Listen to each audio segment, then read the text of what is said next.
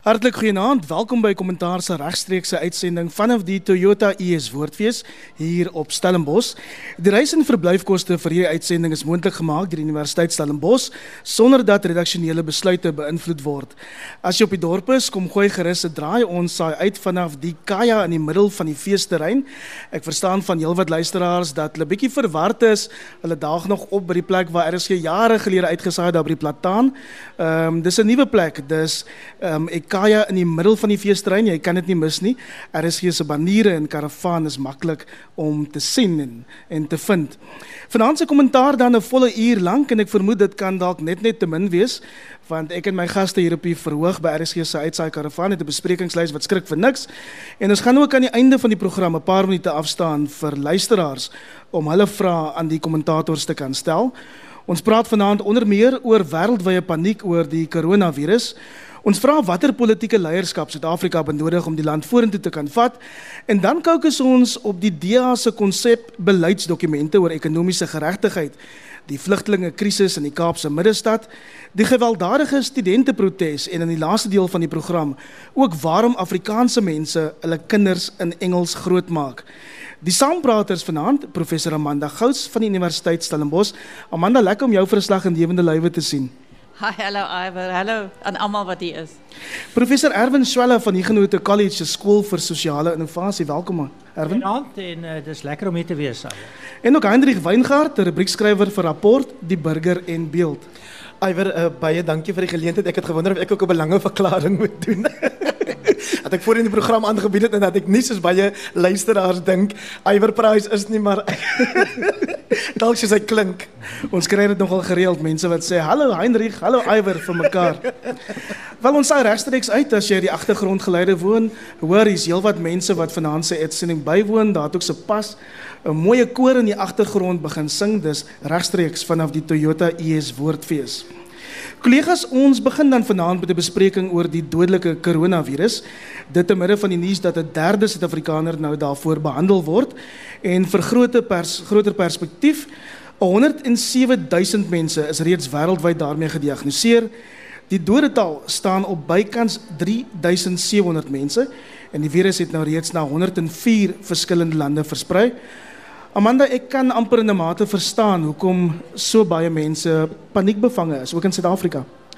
Wel, ek dink dit gaan oor die spoed waarteen hierdie virus versprei. Hy is nie so dodelik soos voëlgriep was nie. Um, maar hy hy versprei vinniger.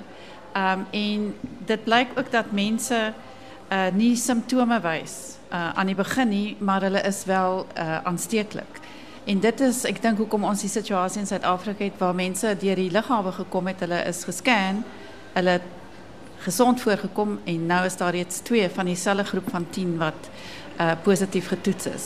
So ek dink die paniek is omdat mense ehm um, ek dink hulle hulle glo is baie dodelik, maar die die feit is dat net 1% van almal wat geïnfekteer is sover um, gaan in die waakeenheid in en van hulle gaan dood. Maar dit is um, 'n baie lae sterftekoers. 'n Lae sterftekoers beslis, maar die virus word wêreldwyd op die hoogste politieke vlakke bespreek, Erwin. President Donald Trump van die VSA, Boris Johnson van Brittanje, die Duitse kanselier Angela Merkel, noem dit op, almal het die week media konferensies daaroor gehou. Dis ehm, 'n um, groot bespreking wêreldwyd. Slaap jy rustig oor Suid-Afrika se gereedheid daarvoor? En ek dink ons het 'n mengbeeld. Uh hier is verseker 'n groot klomp kwessies. En van die kwessies is Amanda se opsomming uitstekend oor. Dit gaan oor vinnige verspreiding maar lae mortaliteit en daar's persepsies en perspektiewe. Die persepsies oor die wêreld is een wat grens aan paniek en wat uiteindelik dus beklemtoon dat die verspreiding vinnig is van die mortaliteit is nie hoog nie. Nou as dit 'n belangrike faktor is, is dit 'n belangrike faktor in terme van die gevolge Die gevolge hiervan is dat die persepsies as dit nie die, op die regte perspektiewe gebaseer is nie, daartoe lei dat ons eintlik in 'n sekere ernstiger gevolge mag hê, maar onthou dis 'n mengbeeld as wat dit werklik regverdig. En dit het dan groot implikasies vir die wêreld-ekonomiese situasie. Dit het 'n baie ernstige impak op omtrent elke bedryfsektor, die staatssektore, ehm uiteindelik die gesondheidsdienste in alle lande. So dit is 'n wêreldwye krisis. Dit word ernstig opgeneem. Dit het nog nie die status van 'n pandemie nie. Uh, dit word as 'n ernstige gesondheidskrisis geklassifiseer deur die Wêreldgesondheidsorganisasie. So dit is belangrik dat daar 'n vorm van ontwikkeling van groter perspektief uit hierdie mengbeeld kom. Ons weet eintlik nog nie regtig nie en daarom al hierdie onsekerheid en op die oomblik is die onsekerheid besig om te noodsaak dat daar ook stemme van redelikheid is sodat ons nie 'n oorreaksie het nie. So daar moet leierskap wees en ek dink op hierdie stadium is daar genoeg aanduidings dat dit ernstig opgeneem word, maar terselfdertyd moet ons so versigtig wees dat ons nie die gevolge hier waarmaak wat slegter is as die werklike situasie nie. Maar dit is 'n moeilike een om in te skat. Heinrich om by Erwin aan te sluit. Ek hoor hy sê ons weet eintlik nog nie werklik die wêreld is in onbekende waters met die COVID-19 uitbraak. Wat is alles op die spel vir Suid-Afrika? Iwer ek dink die die hier is goeie nuus wat terselfdertyd slegte is. Die goeie nuus is dat hierdie is 'n virus wat nie 'n nasionaliteit het nie, wat nie 'n velkleur het nie, wat nie 'n demografiese ligging het nie. Dit beteken dit kan enige tyd enige plek um sy kop uitsteek. En ons het dit ook gesien dat dit beteken noodwendig dat daar in Suid-Afrika iemand is wat kan kan ek maar die virus hier aanbring nie maar dit van 'n ander land afkom um, in die geval in ons geval nou Italië byvoorbeeld. So die moeilikheid hier is dat ehm um, soos Bani Mtomboti vandag in die Sunday Times skryf ons mense Suid-Afrikaners se uh, bekommernis het grootliks te doen met wat hulle die standaard wat hulle skat ons openbare gesondheidstelsel vir hulle bied. En as jy kyk na hoe dinge gaan by ons openbare gesondheidstelsel dan het jy rede om voor corona bekommerd te wees oor oor die situasie. Nou nou gelukkig daarom het ons regering besef baie vroeg reeds um, dat Suid-Afrika is nie afgesny van die res van die wêreld nie en jy kan nie leef hier asof dit wat daar buite gebeur nie vir jou ook raak nie. So, wat jy nodig het is die soort leierskap wat president Ramaphosa die week probeer bied deur te sê asseblief mense moenie paniekbevange raak nie. Maar dis onafwendbaar. Mense sal paniekerig raak wanneer hulle nie weet ehm um, jy weet wat wat die situasie regtig is of as ek nie weet ek het ehm, 'n um, tydjie terug op hierdie program vir jou gesê ek reis elke week Johannesburg toe terug Kaapstad toe en selfs ek het maar na die ander kant van die aankomsaal beweeg toe ek ehm um, um, ek dink Chinese mense gesien het met hierdie gesigmaskers. En ek dink dit is wat aan die gebeur is mense spot dalk 'n bietjie daaroor maar hulle sê ook vir mekaar hoorie as jy as jy hoes hoes maar so intoe as jy nie jou hande gewas het jy moenie aan my vat nie. Ehm um, ek het vir Amanda vanaand 'n drukkie gegee. En vir jou nou nie.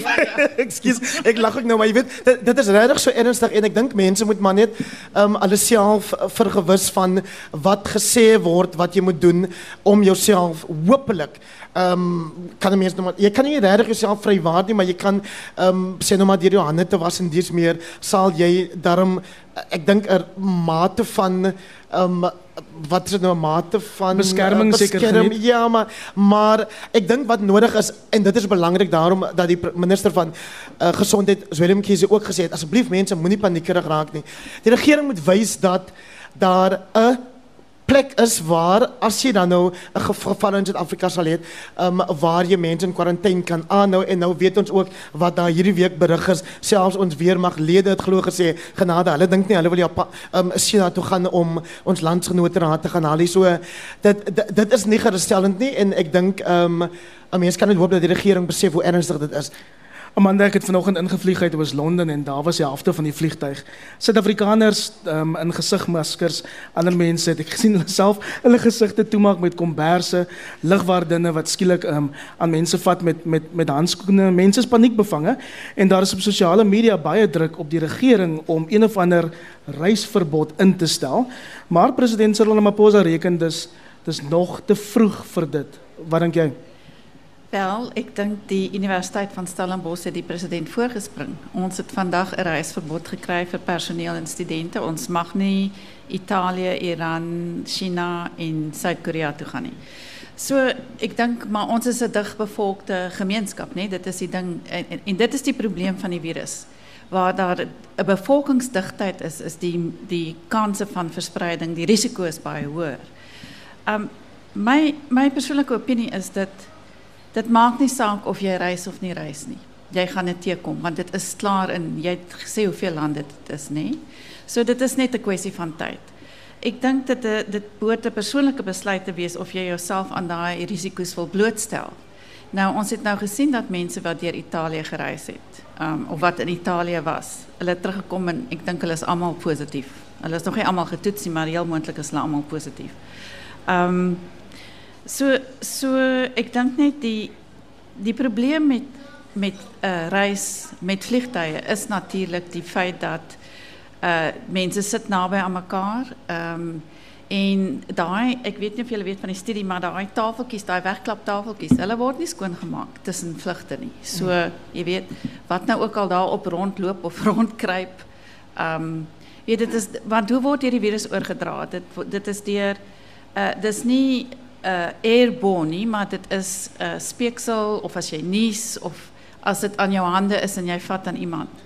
Nou die die punt hier is dit is waaraan daar gevat word en vandag het iemand my gesê maar geld? Nee? Ons vat almal elke dag aan geld. So dit is nog 'n manier hoe die virus sal versprei. So ek dink dit is heel moontlik uh onmoontlik om dit vry te spring. Die die beste manier is om jouself te beskerm en dit gaan oor. En ek weet nie wie van u nou die afgelope tyd hier op Stellenbosch in die winkels was nie, maar daar is geen um Hulle was seep nie. nie net seep nie, um hand sanitizers nie, daar's nie meer maskers nie, daar is nie uh hierdie botteltjies hande uh, dettel hande seep nie, dis alles uitverkoop. So uh, en dit dui op wel ek dink 'n bietjie van paniek, maar ook die feit dat mense besluit het ons moet onsself beskerm. So jy weet as ek dink as dit nou 'n uh, 'n digbevolkte um gebied soos soos die universiteit tref, dan moet ons maar almal by die huis bly. Ek weet nie, gaan ons die studente leer op afstandsonderrig nou? en dis nie net die Universiteit Stellenbosch nie, reg oor die wêreld word verskillende konferensies afgestel um, wat groot organisasies baie groot geld kos. Ek weet selfs van 'n konferensie wat hierdie week 'n media konferensie in Nairobi sou wees wat afgestel is, 'n tegnologie konferensie, um, 22000 mense sou die week kom. Dis dis afgestel. Ehm um, Erwin stuur ons nie hier op 'n globale ekonomiese noodtoestand af weens hierdie virus nie. Ek gaan vir jou sê hoekom ek dit vra. Party internasionale kenners voorspel dat 'n verdere eskalasie van ehm um, COVID-19 die globale ekonomiese groei met die helfte 50% kan verminder. Ons het reeds gesien hoe die markte gereageer het. Ehm um, uh almal van ons uh, aandelewaardes in terme van waar dit nou ook al gehou het indien ons 'n aandeleportefeulje het in 'n pensioenfonds of so het met minstens 10% uh, verlaag. So daar's 'n inskatting van die markte van die risiko hier en dit sal gebeur. Mens moet ook onthou dat die ekonomie vereis dat transaksies moet plaasvind. So transaksies word uiteindelik dikwels gemedieer deur persoonlike of ander kontak. Nou deesdae word baie dinge digitaal en virtueel gedoen, maar 'n konferensiegeleentheid is die plek waar die netwerke gevorm word waar in 'n sekere sin die die transaksies ooreengekom word en uit die aard van die saak sou konferensies baie mense dink in elk geval is relatief waardeloos en daar is ook sommiges wat wel is um, maar by konferensies en by hierdie geleenthede waar daar uitruil plaasvind tussen groot handelssendings eh, die die groot messes uh, en en en en handels uh, uitstallings word transaksies gedoen Nou uit die aard van die saak is daar nie transaksies plaasvind nie, het dit 'n groot verdere afstroom impak op uiteindelik die hoeveelheid ekonomiese aktiwiteit wat in die ekonomie plaasvind. So dis een element. Die tweede element is is dat 'n verbod op op invoer en uitvoere wat indirek plaasvind omdat 'n mens nie meer vlugte het nie, omdat daar nie voertuie of of of transportbeweging is nie, het 'n geweldige impak op die ekonomie. So daar's geen twyfel dat hier ehm die potensiaal is vir 'n soort inploffing, 'n afsmelting van ekonomiese bedrywighede nie. Nou moet ons vir onsself sê dit is nie die eerste keer nie. Daar is herhalend sulke ehm ehm kom ons sê dan nou maar uiterste situasies wat plaasvind of in die ekonomie of met oorloë en konflik of dan nou soos in hierdie geval met 'n epidemie of 'n pandemie. En op een of ander manier die sikliese verloop van die ekonomie is dit herstel uiteindelik indien dit nou nie soos die beeld mag manifesteer 'n totale ramp word nie en dan word dit weer beter. So ek dink die belangrike punt is wees nou maar onder die omstandighede so rustig as wat jy kan wees, doen die regte dinge en laat jouself nou nie uiteindelik in 'n situasie plaas dat dit wat jy aan jouself doen erger is as wat sou gebeur het as jy dit nie gedoen het nie.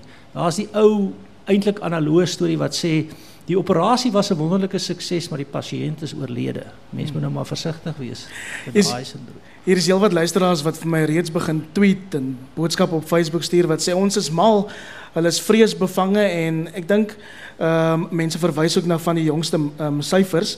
Ek sien die BBC het sopas getweet dat in Italië alleen ehm um, is 133 mense in een dag tussen gister en vandag dood aan die coronavirus. Ehm um, wat die dodetal in daai land op 366 ehm um, te staan bring. Hendrik, wil jy dalk iets byvoeg en dan gaan ek jou ook vra om die corona gesprek saam te vat dat ons kan aanbeweeg. Iwer dis uiteindelik 'n nuwe soort terreur as ek nou nie my voet daarin iets sit wanneer ek dit sê nie. En dit help ons glad nie dat China so geslote om dit sagter stel gemeenskap is of samelewing is nie.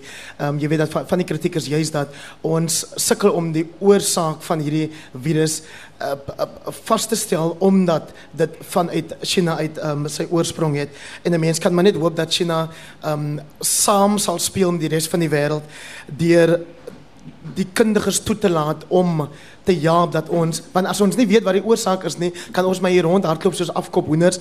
Dit gaan ons nie veel help nie want ehm um, dit is 'n realiteit. Die moeilikheid ongelukkig is dat met hierdie coronavirus word die aandag afgelei van 'n klomp ander dringender dalk probleme ehm um, in verskillende lande soos as jy Suid-Afrika vat sien nou maar armoede of ongelykheid, aardverhitting in die hele wêreld. Ehm um, so 'n mens moet perspektief behou en vir jouself sê, goed, daar is nou hierdie nuwe werklikheid, hierdie realiteit van die coronavirus, maar asseblief mense, daar is ook ander goed waaroor ons waaronder steeds moet aandag gee elke dag 'n mens wil ehm um, dat mense daai perspektief behou. Ehm um, ten spyte daarvan dat die ekonomie soos wat uh, Prof Erwin nou vir ons baie mooi verduidelik het, ehm um, nie duik in die grond in die maar ek wil amper sê sy gesig skuur in die in die modder ehm um, as as as dit ehm um, ja so so laat ons net perspektief behou maar ehm um, iwer dat dit iets is waarvan Suid-Afrikaners moet kennis neem omdat ons vir al of so gereeld dink Suid-Afrika is afgesonder dat ons jy weet hierdie hierdie idee van insulasie dat dit kan hier gebeur nie ek dink daai ehm wanopvatting is nou vir eens en vir altyd ehm um, mee afgereken En miskien in die woorde van president Barack Obama hierdie week oor corona. Hy sê, ehm los die gesigmaskers vir die mediese personeel en was jou hande. En dan sê die wetenskaplikes vir ons, moenie net jou hande vinnig afspoel nie, jy moet dit vir minstens 20 sekondes was. Van die coronavirus na Suid-Afrika se koorsige ekonomie hier op kommentaar. Die land het die week amptelik in sy tweede resessie in 2 jaar verval. En dit plaas ekstra druk op president Ramaphosa wie se belofte van 'n nuwe dagbreek, 'n nuwe dawn soos hy dit noem, in ons ekonomie al hoe onwaarskynliker word. Amanda, uh, meneer Ramaphosa het ook hierdie week gesê dat beleggings in die ekonomie die resessie kan teenwerk, maar hy het versuig om te sê dat ons hier praat van weer eens beleggings uit die privaat sektor, want die staat is bankrot en hopeloos om nou Tim Du Plessis vandag 'n rapport aan te haal. Ja, wel ek dink jy weet dit dit ehm dit is heel moontlik onafwendbaar. Maar daar word leierskap gedoen. Ek dink die begroting wat deur Tito Mboweni verlede week vir ons bekend gemaak is, is die tipe begroting wat ons nodig het. Nie die afskaling van die salaris uh, van die staatsdiens ehm um, en en minder spandering deur die staat, want dit is die staat wat basies bankrot is. Ehm um, Nou, ek dink ons grootste probleem is die feit dat uh wat ook al die president en die minister van finansies doen gaan teëgestaan word die die Unis. Um wat deel is van die drie party alliansie tussen Kusatu, die kommunistiese party en die ANC. Um en ek dink um ek staan uh, 'n arbeidsmag voor want ek dink nie jy kan sonder georganiseerde arbeid werklik mense beskerm teen uitbuiting nie. Maar ek dink ook daar kom 'n punt waar ons almal die erns van die saak moet besef. En as ons nou kyk um, na byvoorbeeld die gedrag van die EFF en die unies wat nou oorlog verklaar het uh, oor die begroting, dan dink ek nie almal van ons staan op dieselfde plek en besef net hoe laat in die dag dit is nie. Nie dat ons hier staan uh, op die rand van 'n ekonomiese afgrond. En die vraag is wat hoe gaan Tito Mboweni en en die uh, persone wat hom adviseer dit regkry om een of ander ooreenkoms met georganiseerde arbeid uh, te beklink. En ek dink dit is 'n baie groot uitdaging. Erwin, wil jy daarop reageer? Ja, ek uh, kry die idee van die man wat in Merwe wil vir iemand gevra het, maar hoe kom ek nou in Ellis Ras van hier af? En toe sê die man as ek in Ellis Ras wou uitkom, sou ek hier begin het nie. Nou, ehm um, ek dink nie ons moet hier begin het nie. Ons die die verbintenis tussen die twee stories is ons het nou die swart swaan geleentheid van die koronavirus wat alle aannames wat 14 dae gelede nog geldig was ten opsigte van byvoorbeeld ekonomiese groei en die belangrikste ekonomiese indikatore van die land eintlik dramaties beïnvloed. En waar is ons? Ons is in 'n situasie dat as gevolg van voor vorige swak regeringsleierskap ons in 'n totaal um, ongemaklike situasie is. Nou moet hierdie mense en meneer Ramaphosa probeer sy bes onder die omstandighede moet hierdie kalf die put uit kry. Wat ek wel sien is ek sien interessante tendens in die kommunikasie van die van die ANC en die regering en die regerende party. En dit is dat daar toenemend daarom besef is dat hierdie werklikheid het 'n bepaalde stel oorsake wat te maak het met 'n soort rasionele stel oorwegings. Met ander woorde, toenemend sal die president sê ons het ook hier iets om voor verantwoording te doen en aanspreeklikheid te aanvaar. In teenstelling met die totale ontkenning wat die soort van situasies in die verlede deurgegee het toe gesê is wel is diep groep se skuld of is daardie stel probleme. Daar's 'n toenemende besef dat die regeringsleierskap iets hieraan sal moet doen. Nou al wat nou nog ontbreek is dat hulle iets daaraan doen. Ehm en ek dink dis daai analise wat besig is om beter te raak, maar ek sien nog nie genoeg aksie nie. 'n Mens sal graag wil hê dat daar meer daadwerklike en direkte optrede is en spesifiek van die president. Die president het 'n uh, 'n hele aantal geleenthede gehad waar hy eintlik nou bewys gekry het dat sy mag gekonsolideer is. Hy is besig om nog 'n inskatting te maak dat lyk dit van buite af in elk geval dat hy nodig het om nog sy mag te konsolideer. Ek dink hy het genoeg mag en gekonsolideerde mag om regtig die analises wat beter raak uit te voer deur dit te begin doen. Ons soek van daai van daai analises soek ons nou aksie. En ek dink hoe gouer ons dit sien hoe beter. Heinrich daai gebrek aan aksie is waarna Julius Malema die EFF leier hierdie week um, verwys het tydens sy lesing by die Black Business Council se beraad. En meneer Malema sê die mense wat in Suid-Afrika vir ekonomiese groei verantwoordelik is, in sy woorde leef in hulle eie borrel van hallusinasie en onkunde. Watter politieke leierskap het ons nodig om die land vorentoe te kan vat? En het ons dit in meneer Cyril Ramaphosa? So iwer daai uh hallusinasie waarna ehm um, die ou wat jy so mooi noem meneer Malema verwys. Ehm um, jy moet maar gaan kyk na die EFF se verkiesingsmanifest en dan sal jy dan dan weet ons dis beslis nie Malema leierskap wat ons nodig het of EFF leierskap nie. So so kom ons sit nou dit een kant. Ek dink wat hier gebeur met die ekonomie is baie goeie nuus vir meneer Ramaphosa as hy ernstig is daaroor om die ekonomie uiteindelik te laat groei en om ons ehm um, van hierdie staatssalarisrekening waarna Amanda verwys het um, te te red. So so ek sê dis goeie nuus dat dit gaan met die ekonomie soos wat dit gaan, want nou kan jy nie meer vir Cyril Ramaphosa of Tito Mboweni sê oor die die die maatreëls wat jy wil instel om ons ekonomie te red, um, is onnodig of ehm um, Kusato dreig met oorlog en ek sê ons moet teen Kusato dreig met oorlog die die res van die samelewing.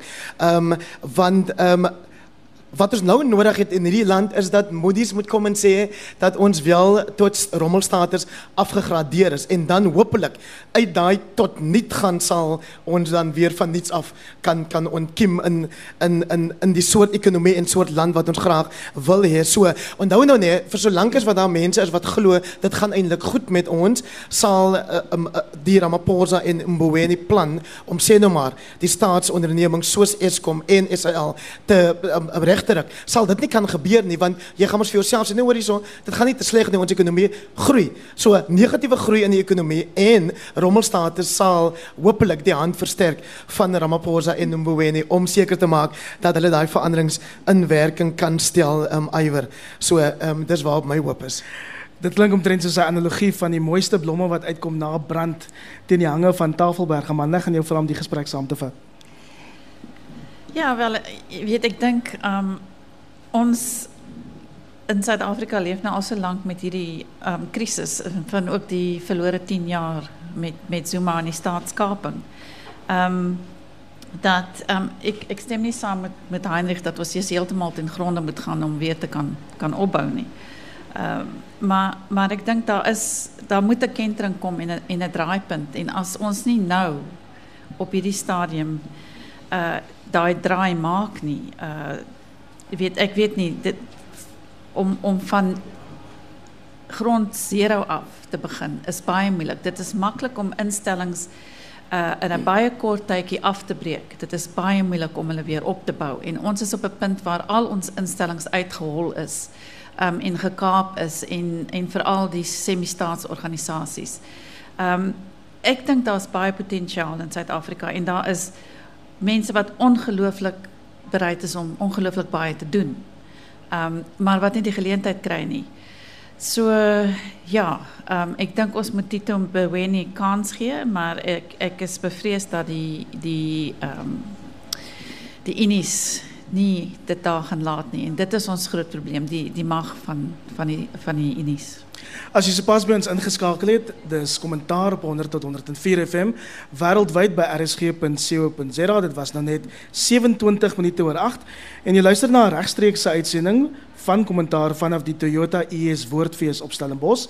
My gaste vanaand is professore Amanda Gous en Erwin Swela, asook Hendrik Weingart en ons praat volgende oor die DA se 3 konsep konsepbeleidsdokumente oor ras wat sopas voorgelê is. Erwin, ons weet die DA trap al jare lank um, water oor ras. Nou is daar drie dokumente op die tafel. Wat probeer hulle daardie regkry? Wel, die drie dokumente gaan daarmee net oor ras. Daar's 'n element van ras in elke politieke beleid en in elke politieke ideologie in Suid-Afrika. Dis 'n gegewe. So die DA probeer soos baie ander politieke partye 'n vorm van sin maak hieruit en om 'n sinvolle pakket van beleidsrigting saam te stel. So die drie dokumente gaan oor wat is die ideologiese samehangende elemente vanuit die DA se politieke perspektief.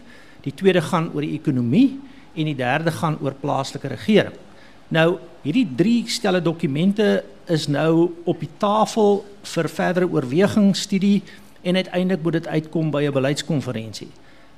Ons moet sê dat jy kan nie in Suid-Afrika 'n beleid maak wat nie op een of ander manier ras en al die probleme van armoede, ongelykheid en werkloosheid verreken in terme van een of ander veranderlike nie. Die DA het op een of ander wyse nou tot die gevolgtrekking gekom dat ras is 'n belangrike element as gevolg van die verlede, maar soos ek die redenasie verstaan, ehm um, ook van die uh, van die beleidsanaliste binne die DA dat ras is nie net meer die enigste faktor nie en in elk geval as jy ras op een of ander manier op 'n perverse manier toepas, soos hulle beweer die ANC gedoen het, dan kry jy dat die dat jy die verryking het van reeds ryk mense met geleenthede en dit is dan ten koste van armoede.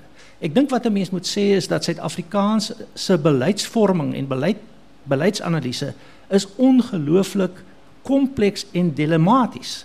Ehm um, en is baie maklik as jy dit ideologies benader en jy mobiliseer die troepe in terme van simboliek van fasisme ehm um, en forme van populisme, maar as jy 'n deurdagte beleid wil stel, kom jy op hierdie dilemma's af. En dis nie net 'n dilemma vir die DA nie, dis ook 'n dilemma vir die ANC, dis 'n dilemma vir die EFF, dis 'n dilemma vir die vir die vir die ehm Vryheidsfront.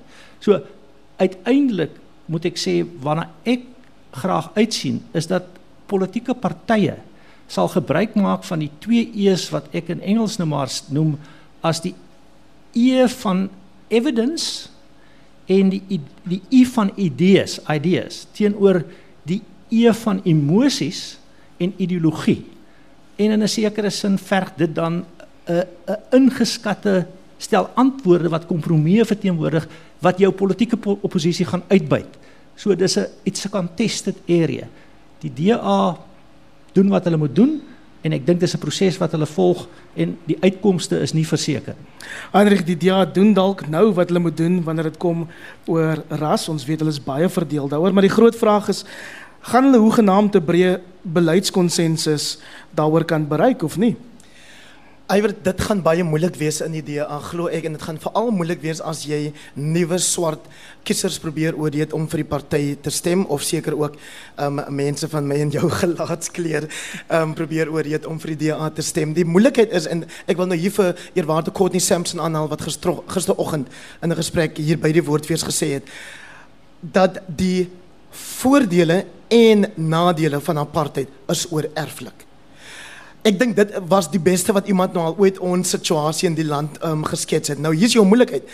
Dit dit was die voordele was uit en uit gegrond op grond van ras in die verlede. En nou is daar hierdie by die DA byvoorbeeld iemand soos John Steenhuisen die tussentydse tussentydse leier wat um, groot gewag maak daarvan dat ras moenie meer die maatstaf wees nie. Nou nou goed, jy weet dit is 'n ek dink dit is 'n goeie idee om om uh, Prof Erwin se se woord te gebruik, maar um, ek ek dink dat die evidence om dan nou sy ander woord te gebruik sê vir ons dat selfs met die dat ras tot nou gebruik is in die na apartheidsbedeling as daar maar net 'n handjie vol swart mense wat bevoordeel is deur BEE waarvan Cyril Matamela Ramaphosa een is natuurlik en daar's daar vier ander. So so ek sê laat ons ras gebruik vir solank as wat dit nodig is. Amanda, die DEA se beleidskonferensie volgende maand, dit lyk of die leierskapstryd in wese tussen John Steenhuisen en Mbali Ntuli is. En blykbaar verskil hierdie twee oor die van rasgegronde swart ekonomiese bemagtiging. Ehm wat natuurlik ook 'n bepalende invloed kan hê op die rigting wat hulle uiteindelik kan inslaan. Ja, inderdaad. Ehm um, ek dink dit vir die gevat om te kom by die die begrip dat ras is nie net gaan oor individue nie, het ook te doen met groepe en en die agtergeblewenheid. En dit is wat de liberale, liberale partij nog nooit kon ver, verantwoord, verantwoording oor doen want jy fokus op die individu en jy fokus op markgedrewe um, oplossings. En dit dit verreken nie daardie agtergeblewenheid nie. Nou dink ehm um, Balin Tuli verstaan dit baie goed en dit is ook waar sy haar aandag fokus is op wat doen 'n mens in terme van ehm um, nou uh, bijvoorbeeld uh, die Gwen Gwenya, wat die beleid opstel, uh, stuur weg van de ras af. Nee, die, die idee dat het niet meer als een, als een maatstaf gebruikt moet worden. En ik meen, zij is in die zin dat als je kijkt wat um, rechtstellende actie voor Zuid-Afrika gedaan heeft, is het, dat het niet zaken vererger. Um, Maar maar Mbali is op 'n ander plek. Sy verstaan daardie agtergeblewenheid en sy verstaan dat daar beleide moet wees wat nie net op die individu kan fokus nie, wat nie net op markgedrewe ehm oplossings kan fokus nie. Terwyl is jou meer tipiese liberaal. So jy weet ek dink hy sal die die nuwe konsep uh, ondersteun. En ek dink dit gaan op die eind lei tot konflik tussen ehm um, en en Steenhuisen. Ehm um, en ek dink wat wat nodig is is is 'n begrip daarvoor dat uh daar 'n tussenposisie is, 'n gemengde ekonomie, nê, waar daar wel 'n rol vir die staat is en 'n rol vir die vrye mark. Um en dat die staat sekere um dienste moet subsidieer want ons het sulke ongelooflike armoede in Suid-Afrika. Jy weet daar's mense wat net nie uit hierdie spiraal van armoede uit kan kom nie. En dit beteken nie noodwendig um grants nie, nê. Dit dit is ander tipe van van oplossing want uh die die toelaag lei net tot afhanklikheid van die staat. En ons sien die staat kan nie daai koste dra nie. So ek dink dit is 'n dit is 'n tussen 'n uh, tipe van oplossing wat gevind moet word. Maar dit is nie uh, uh, en Tuli in Steenhuisen is op dieselfde plek daaroor nie. Heinrich? Nee, ek wil sommer net sê Iwer, daai toelaat soveel as wat ek ook dink dis 'n onding dat ons 19 miljoen Suid-Afrikaners op daai wyse onderhou en terwyl ons weet dis maar 'n maand na maand armoedeverligtingmaatreël of of ehm um, ehm um, voordeel as jy wil weet ek uit my eie familie uit, nê, nee, hoe belangrik daai maatskaplike toelaag Amanda is vir soveel vir daai 19 miljoen mense in ons land. En dis jou moeilikheid. Ehm um, dit dit die vir die vir die arme mens um, sal dit belangrik bly dat hy of sy as hulle op grond van ras benadeel is dat hulle op grond van ras bevoordeel moet word. En ongelukkig is dit so dat as jy na Mbalin Tuli luister of Gwen Gwenya, dit is jou middelklas swart elite.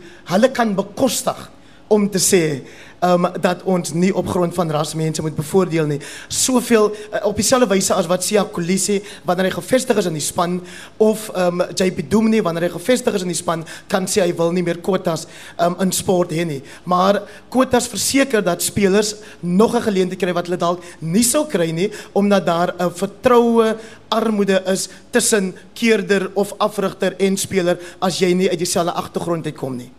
En dan moet ons ook vir mekaar sê daar's nog sekere sektore in die land wat ongelukkig nog ongetransformeer is waaronder die die sektor waarin waarin ek glo ek ek werk die media. Ehm en as dit nie was vir daai beleide nie sou dit ehm um, selfs slegter afgaan Erwin. Ek dink die fundamentele en dis 'n effens filosofiese maar ook 'n beleidsvraag is nie is die volgende. Kom ek stel hom. Ons moet maniere vind alle instellings, alle politieke partye, alle staats- en privaat instellings, die instelling van Amanda verwys het om welvaart te skep. Maar ons moet ook maniere vind om welvaart te verdeel. En dis die uitdaging. Nou daai die skep van die welvaart moet dan ook plaasvind op 'n etiese en effektiewe manier. En die verdeling van die welvaart moet ook plaasvind op 'n etiese en effektiewe manier. Nou dit is werklike komplekse vraagstukke wat uitspeel in die ekonomie en die politiek en die sosiale omgewing. En dis die dilemma's waarmee alle instellings en alle politieke partye in die land werk. Jy kan op 'n onetiese manier welvaart verdeel. Jy noem dit korrupsie. Jy kan op 'n oneffektiewe manier welvaart skep. Jy noem dit uiteindelik die wyse waarop jy die ekologie vernietig. Die uitdaging is om aan daai vier selle van effektief skep, effektief verdeel, eties skep en eties verdeel die werklike beleide en instellings te kry. En dit is nie 'n maklike taak nie en as jy dink jy gaan dit met ideologie regkry, dan as jy verseker op die op die op die slegste pad. Jy kry nie uiteindelik uitstekende of die beste pad nie, maar jy moet optimaliseer want jy kan nie maksimaliseer nie. Nou dis 'n bietjie teoreties, maar in elk geval skep en verdeel welvaart op 'n effektiewe en etiese manier anders dan kan jy daarvan vergeet. Dis waar ons gaan met Haltroep met die gesprek oor die DA. Ek is seker gaan nog etlike weke daaroor praat in aanloop tot die DA se beleidskonferensie volgende maand. Van partytetiek tot 'n kwessie wat die Kaapse stadsvaders al maande lank laat kopkrap. Dit is die groot groep vlugtelinge wat deur wetstoepassers um, buite die Methodiste Kerk op Groentemarkplein in Kaapstad verwyder is en die Kaapse Metroraad wil probeer verhoed dat die vlugtelinge self op enige oop ruimtes in die stad vestig. Amanda dalk kan jy die gesprek as 'n Kaapenaar, Wes-Kaapenaar met bietjie agtergrond inkleer. Ehm um, en dan ook jou mening gee oor die stad Kaapstad se hantering van die kwessie. Ja, ek meen dit gaan gaan al uh, langer as 3 maande aan en die ek dink dit gaan oor die feit dat die VN nie hierdie wel wat ons hulle noem, party is uh, refugees, ander is ekonomiese migrante, party soek asiel, so dit is 'n kombinasie van mense, party is wettig en party is onwettig, maar die VN se se refugee center kon hulle het geweier om hulle te help en toe hulle in die Methodiste kerk ingetrek. Nou dit is op die Groentemarkplein wat een van die grootste toeriste attraksies in die in die in Kaapstad is. En die onhygiëniese uh, onhygiëniese situasie wat daar ontwikkel het. Ek was self nou onlangs daar. Ek meen dit is net onmoontlik. Ehm So die die stadsraad het dus besluit dat hulle wel eh, dit het met met hof ehm um, geding gepaard gegaan dat hulle verwyder moet word. En hulle is nou party van hulle is deur die departement ehm um, binnelandse sake na Soutrivier in 'n sentrum in Soutrivier waar hulle ehm um, basies probeer vasstel wat die status van die, van elke persoon is. Ander het egter net aanbeweeg na die St Mary's kerk toe wat net wat naby die parlement is. So jy skuif nou net daai probleem van werklik uh, waar, waar mense nie plek het om te kook nie, hulle het nie plek om te was nie, jy skuif dit nou net na 'n ander plek toe. Vir my is die vraag hier ehm um, hoekom in die Weskaap ons het nie ehm um, die tipe xenofobiese geweld hier gehad wat ons in die res byvoorbeeld Gauteng en ander ander plekke gehad het nie. Um, wat is die bona fide kwellings uh, van hierdie mense en dan die die vraag dat uh, of die um, aanname dat hulle deur die Suid-Afrikaanse regering geskuif moet word na 'n ander land toe, nie hulle eie lande waar hulle vandaan kom nie, maar na 'n land soos Kanada. En Kanada het reeds geweier gesê hulle sal nie hierdie vlugtelinge um opneem in in die Kanadese uh, politieke stelsel nie. Maar ek ek weet nie van enige ander land waar waar mense ehm um, net kan aandring daarop uh dat hulle verskeep moet word na 'n ander plek nie en dat dit op die jy weet dat daar 'n sekere entitlement is nie. Ehm um, so so die die die kwessie gaan voort, um, maar die regering het ook gesê want daar's nou by die mense in Soutrivier uh die idee dat ehm hulle gratis behuising gaan kry. Dat dit dit is die oplossing wat uh binnelandse sake voorstaan wat dit nie is nie en die regering het reeds gesê dat hulle kan nie verwag om voor in die ry te staan as ons ons uh, die Suid-Afrikaanse burgers nie eers behuising kan gee nie. So ek dink die die kwessie hier voort um, en dit is 'n uh, dit is 'n situasie wat ek dink onverkwikkelik is. Heinrich ek het die laaste paar dae nou um, in 'n gastehuis in die Oos-Kaap gebly. Die een ding wat 'n mens in gastehuise doen is jy kyk na internasionale nuuskanale. So ek kan vir jou sê die vlugtelinge kwessie nog steeds 'n brandpunt reg oor die wêreld op die oomblik. Uh mense wat uit die Midde-Ooste in Griekeland probeer inkom en Grieke sê eenvoudig niemand meer verder nie. Ehm waar staan jy oor hierdie storie? Ek weet 'n mens moet 'n hart hê vir die vlugtelinge krisis ook in Kaapstad. Maar dan moet ons ook vir mekaar sê wat ons hier in die Kaap gesien het is 'n bietjie anders ehm um, duidelik ook 'n uh, militansie en 'n openlike gewelddadigheid wat ek as 'n buitestander net van die televisiebeelde af gesien het ehm van die vlugtelinge kant af. Iwer ek het gehoop toe prof Amanda ehm die vraag vra hoekom in die Kaap, hoekom in die Weskaap, het ek gehoop sy gaan ons terugvat na 1652 toe. toe ons die eerste vreemdelinge hier verwelkom het en daarom moet dit vir jou vreemd wees wat jy weet dat ons vreemdelinge haat hier in die Weskaap nou ook sien. Maar op 'n meer ernstige noot, ek stem met Amanda saam, die idee dat jy in my land kan aankom en kan eise stel aan my is totaal en al onaanvaarbaar ongeag die rede waarom jy uit jou eie land het pad gegee het. So dat dit moet ons vir mekaar sê en en ons kan dit ook maar hard op sê. Um maar terselfdertyd het ek gedink JP Smith die burgers burgemeesterskomitee lid van Kaapstad um wat hierdie week gereageer het op op die hofbeslissing dat die ehm um, die buitelanders moet geskei word daar van Groentemarkplein af. Da, toe hy gesê het maar hoor jy die hofuitspraak het nie gesê ons moet alternatiewe huisvesting vir hierdie mense ehm um, voorsorg nie. Ek gedink daai soek jy bietjie meer menslikheid. Daar moes jy gesê het ons gaan ons bes probeer om alternatiewe huisvesting vir hierdie uh, buitelanders wat gevlug het, die meeste van hulle, nie almal nie, uit hulle lande uit omdat hulle verdruk voel of nie geleenthede daar kry nie. Maar laat ons ook mekaar mekaar herinner, herinner daaraan Iwer dat die vorige keer toe 'n klomp buitelanders ehm um, toe, toe ons xenofobiese en en dit was xenofobiese aanvalle ehm um, wat wat op 'n misdadige wyse plaasgevind het. So moenie dat die regering jou vertel dit was misdaad nie. Ehm um, en en wat uh, net misdaad asof daar nie vreemdelinge haat in ons land ehm um, uh ehm um, uh, voorkom nie. So onthou nou met daai ehm um, ehm um, aanvalle is daar 'n groep Nigeriese um, burgers teruggestuur huis toe. Daar was spesiale vlugte gereël deur 'n weldoener van Nigerië. Wat het gebeur met 'n klompie van daai mense toe hulle in hulle eie land aankom? Was hulle papiere nie reg dat hulle selfs daar toegelaat is of hulle dokumente nie reg dat hulle in hulle eie land terug vir um um toegelaat kon word nie. So hoekom moet ons jou hier toelaat as jy nie die nodige dokumente het wat wat jy uh, behoort te hê nie? Klink dit nou of ek vreemdelinge haat voorstaan? Asseblief tog nie. Um so so al wat ek net sê is dat as jy wil Kanada toe gaan, kom ons help hierdie mense wat wil gaan um, om in Kanada uit te kom en kom ons help die wat dink in Suid-Afrika bied steeds vir hulle geleenthede om hier um vir hulle self 'n uh, inkomste te kan vind en en hooplik ook te help dat ons land gebou word.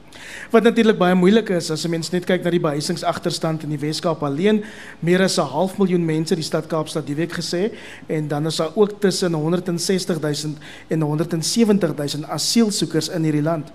Wel, kom ons begin net te sê ons behoort almal empatie met vlugtelinge te hê en ware vlugtelinge. Daaroor is geen twyfel nie. Dalk kom ons nog self in daai situasie. Hm.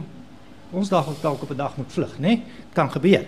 Uh, is nie dis nie onmoontlik nie. Is miskien onwaarskynlik, maar is nie onmoontlik nie. Die tweede ding is is hierdie aanname dat daar nie xenofobie is in ons omgewing nie is totale onsin. Ehm die mense weier om terug te gaan na die plekke waar hulle gewoon het. Hulle het mos iewers gewoon voordat hulle in die stad in die middestad ehm um, kom woon het. En hulle gaan nie terug soontoe nie want hulle sê die mense daar behandel hulle verskriklik sleg. So die aanname wat ons dikwels maak dat in die woongebiede is daar 'n nie rassige aanname, dit is 'n totaal foutiewe aanname. Ehm um, daar sit 'n klomp vreemdelinge haat en 'n klomp gemeenskapsnorme wat sê hier is dit ons en julle gaan nie hier kom en met ons leefwyse kom inmeng nie. Die derde punt is hier. Hier is 'n konsekwente regsposisie vanaf die internasionale reg. Dit wil sê die Hoë Kommissariaat vir Vlugtelinge dwarsdeur tot tot op die plaaslike owerheidsvlak dat hierdie mense se aansprake nie gediens kan word nie. En dan is daar optrede van wetteloosheid En uiteindelik gaan die stad Kaapstad prosedureel geregtelik deur 'n proses om uiteindelik te sê die wetstoepassing kan plaasvind in terme van die staat van die stad Kaapstad let wel nie se bywette nie maar se regulasies. Ehm um, en wanneer hulle dit toepas, het hulle 'n probleem, dan word dit nie behoorlik toegepas nie. Want daar's nie 'n hofbevel wat gaan sê uiteindelik as jy die hofbevel verontagsaam nie. So ons regstaatlikheid wat ons ook moet beskerm soos vlugtelinge word 'n deel van die kwessie waarmee ons moet handel.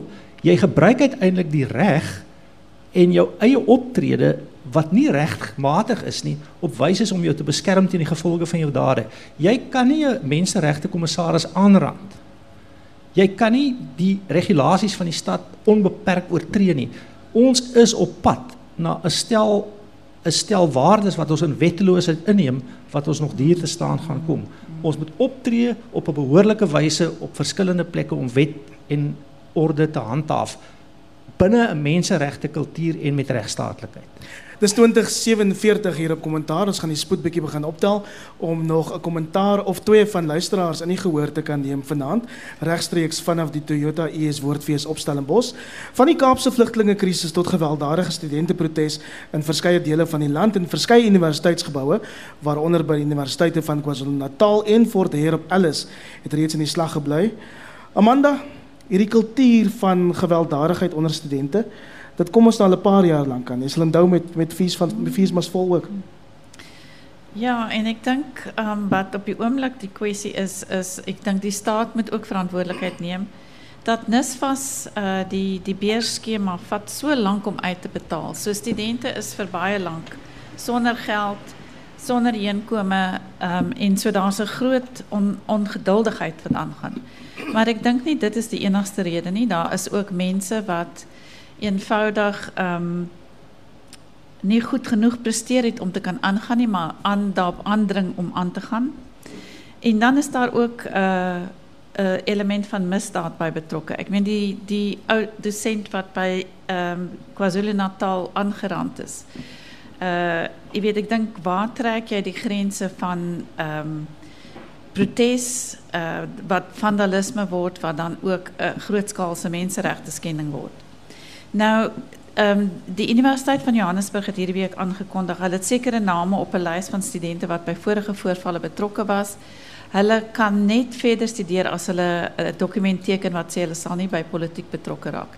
Nou dit het natuurlik weer in 'n groot herrie ontaard omdat um, die studente voel hulle reg om polities aktief te wees um, word.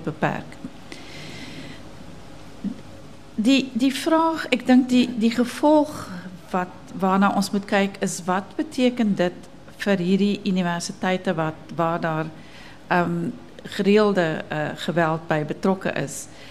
Uh ek dink dit het as ons kyk net na KwaZulu-Natal, die die feit dat dit van 'n universiteit met 'n baie hoë aansien in terme ook van navorsing basies nie meer is die uh, universiteit is met met aansien nie. Beteken ook dat dit uh, het 'n groot impak op die kwaliteit van die studenten se se opleiding en dit het 'n uh, uh, impak op uh, hoe daardie grade in die toekoms gesien gaan word. Nou, want wat gebeur as jy konstante protes by 'n instelling het, is dat jou goeie dosente gaan nie bly nie. Hulle sal weggaan en ek kan praat uit ervaring. Ek het in 1984 85 was ek by die Universiteit van die Noorde wat nou die Universiteit van Limpopo was en dit was in die tyd van baie erge apartheid geweld en die die noodtoestand. Waar ons in 'n stadium 'n 6 weke lange protes gehad het. Wat beteken 6 weke is die helfte van 'n semester? Wat beteken jy moet 6 weke se werk dan indruk in 'n baie korte tyd. So jy dit beteken jy gaan eenvoudig net ehm die werk verminder en en alles gaan nie gedek word nie. En ek dink net die studente besef dit is wat gebeur nie dat as jy die hele tyd onrus en protes het, dat dit 'n geweldige impak het op die kwaliteit van die onderrig wat jy kry aan die universiteit.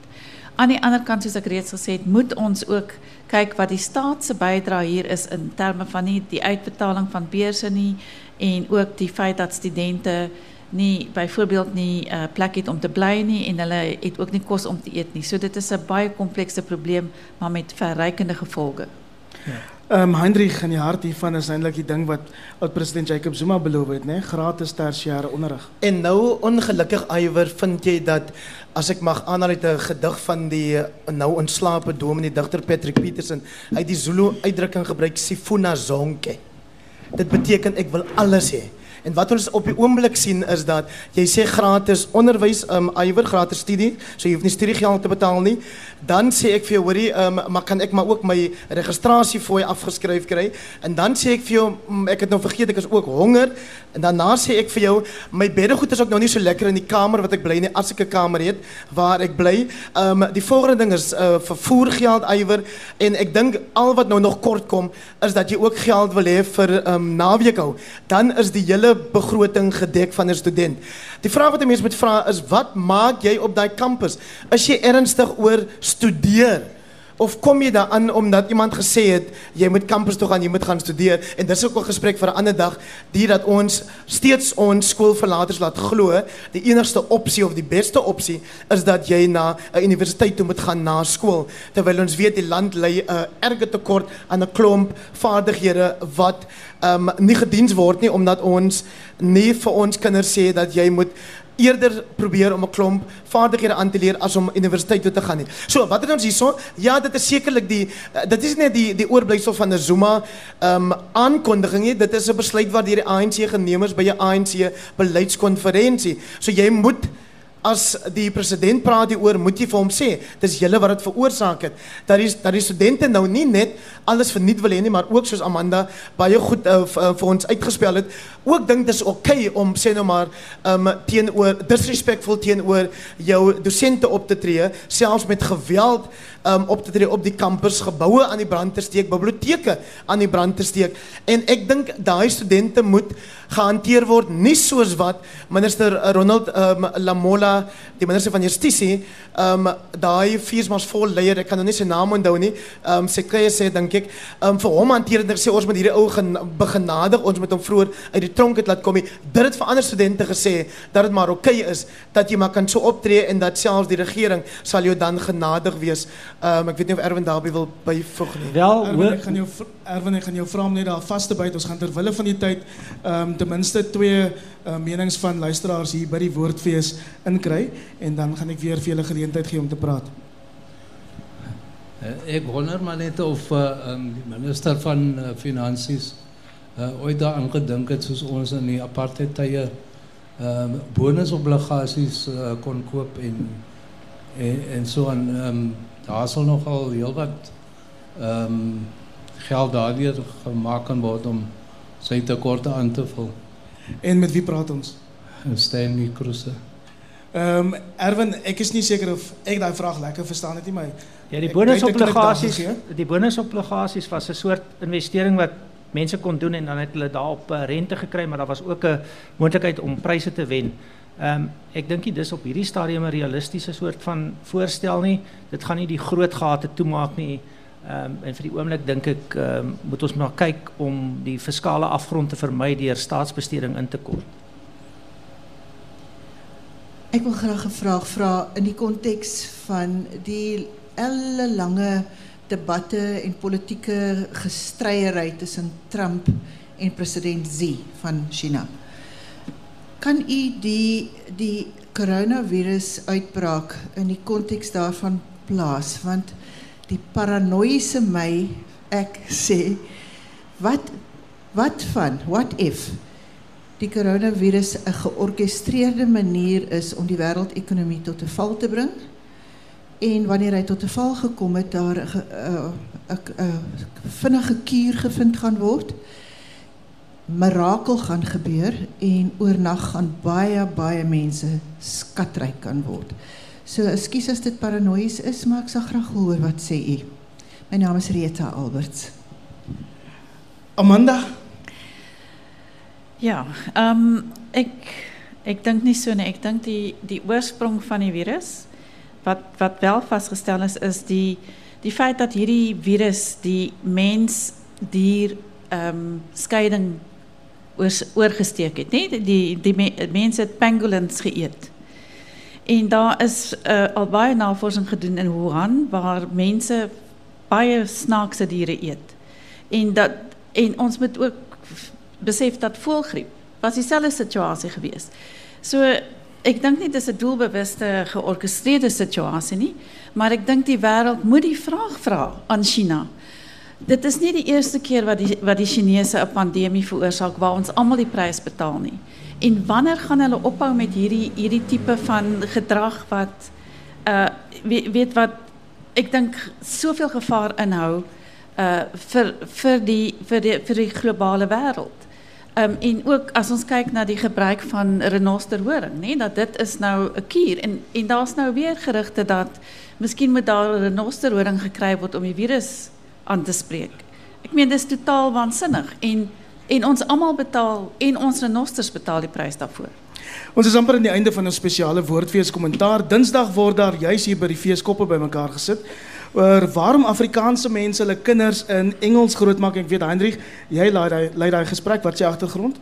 Iwer, ek wil dan net vinnig vir die luisteraars sê wat nou hier uit gehoor het saamgepraat het. Ek het so gehoop ek is die enigste persoon in die land wat met daai idee in my kop gesit het en nou voel ek nie meer so alleen nie, maar maar terselfdertyd wil ek sê, ek stem daarom saam met met Amanda dat ons nie so ver moet gaan nie. Maar ehm um, ja, ehm um, oor die oor die taalkwessie Iwer, ehm um, ek het nou moet ek nou maar my belange verklaar. Ek lei die gesprek ehm um, Dinsdagoggend en dit gaan daaroor oor die gebruik wat jy vind, kan ek maar sê veral in my eie ervaring, ehm um, in die breingemeenskap waar ouers besluit hulle wil hulle kinders in Engels grootmaak, selfs al is die hele huishouding ehm um, Afrikaans sprekend en wat dit veroorsaak op die minste is taalverwarring by die kind en en dan eh, die die erger ding is wanneer hy kind by die skool aankom en hier kan Amanda en en en, en Erwin ook nou praat um oor as daai kind op kampus aankom wat hoe lyk daai kind se taalvaardigheid.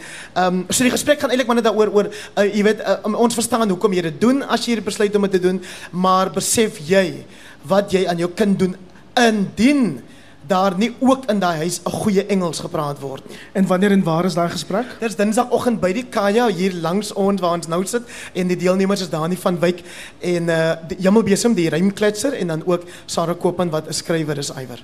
Amanda en Erwin? Net baie vinnig vir Rita. Rita, jy bevestig maar my siening wat ek dikwels herhaal om te sê selfs paranoïese mense het regte vyande, nê? Mense moet nou maar versigtig wees. maar uh, in elk geval net vinnig by die taalkwessie. Ek kan nou met groter gemak op hierdie kampus praat oor taal want uh, terwyl ek hier was en ek is nou nie meer hier nie het ek die sensitiwiteit aangevoel. Hier is 'n um, taal 'n taalgesprek op die kampus is 'n uh, is is 'n sensitiewe gesprek wat uiteindelik uh, lyk dit myself um, loopbaan beperkende gevolge kan hê. Ehm um, miskien moet Amanda maar Ek gaan daarom net die vrae vra in daai gesprek hoor. Ja, ja. Uh, nee, ek kan nie hierdie vraag antwoord nie. Ek wil sê daar's een nee, nee, waaroor ek... ons nie gepraat het nie ja. en dit is dat dit internasionale vrouedag vandag is. is so. Ja. So, ek wil net sê vir almal dat ons het iets om te vier of miskien het ons nie, maar die feit dat daar 'n dag is waarop alle vroue in die wêreld moet reflekteer oor hoe gaan dit met geslagsgelykheid is is belangrik en vandag was daai dag. Kan ek net ek wil tog net inkom en sê dat ek het nie 'n voorkeur oor oor taalnoodwendig ek is self sensitief om daaroor te praat. Al wat ek kan sê is dat ek weet van groot getalle studente wat internasionaal meeding terwyl hulle grootliks in Afrikaans opgee. Dis bring ons aan die einde van vanaand se kommentaar. Ons sou nou graag wou verder praat oor internasionale Vrouedag. Jammer Amanda, ons sou ook nog graag kommentaar en menings van luisteraars uit die gehoor wou neem, maar die tyd het ons ingehaal hier by die Toyota US Woordfees. Die reis en verblyfkoste vir hierdie uitsending is moontlik gemaak deur die Universiteit Stellenbosch sonder dat redaksionele besluite beïnvloed word. Baie dankie professor Amanda Gous van die Universiteit Stellenbosch, professor Erwin Schwella van die Huguenot College Skool vir Sosiale Innovasie en Heinrich Weingart. My naam is Iver Price.